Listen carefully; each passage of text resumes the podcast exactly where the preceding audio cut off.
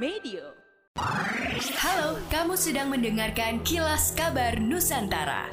Podcast persembahan KG Radio Network menyajikan berita harian yang mengangkat keunikan dari berbagai wilayah Indonesia. Kilas Kabar Nusantara dapat juga didukung oleh pengiklan loh.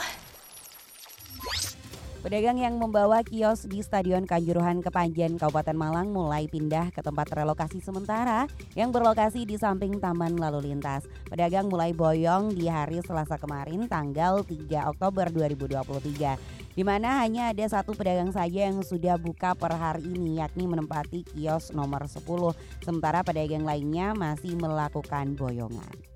Demikianlah kilas kabar Nusantara malam ini.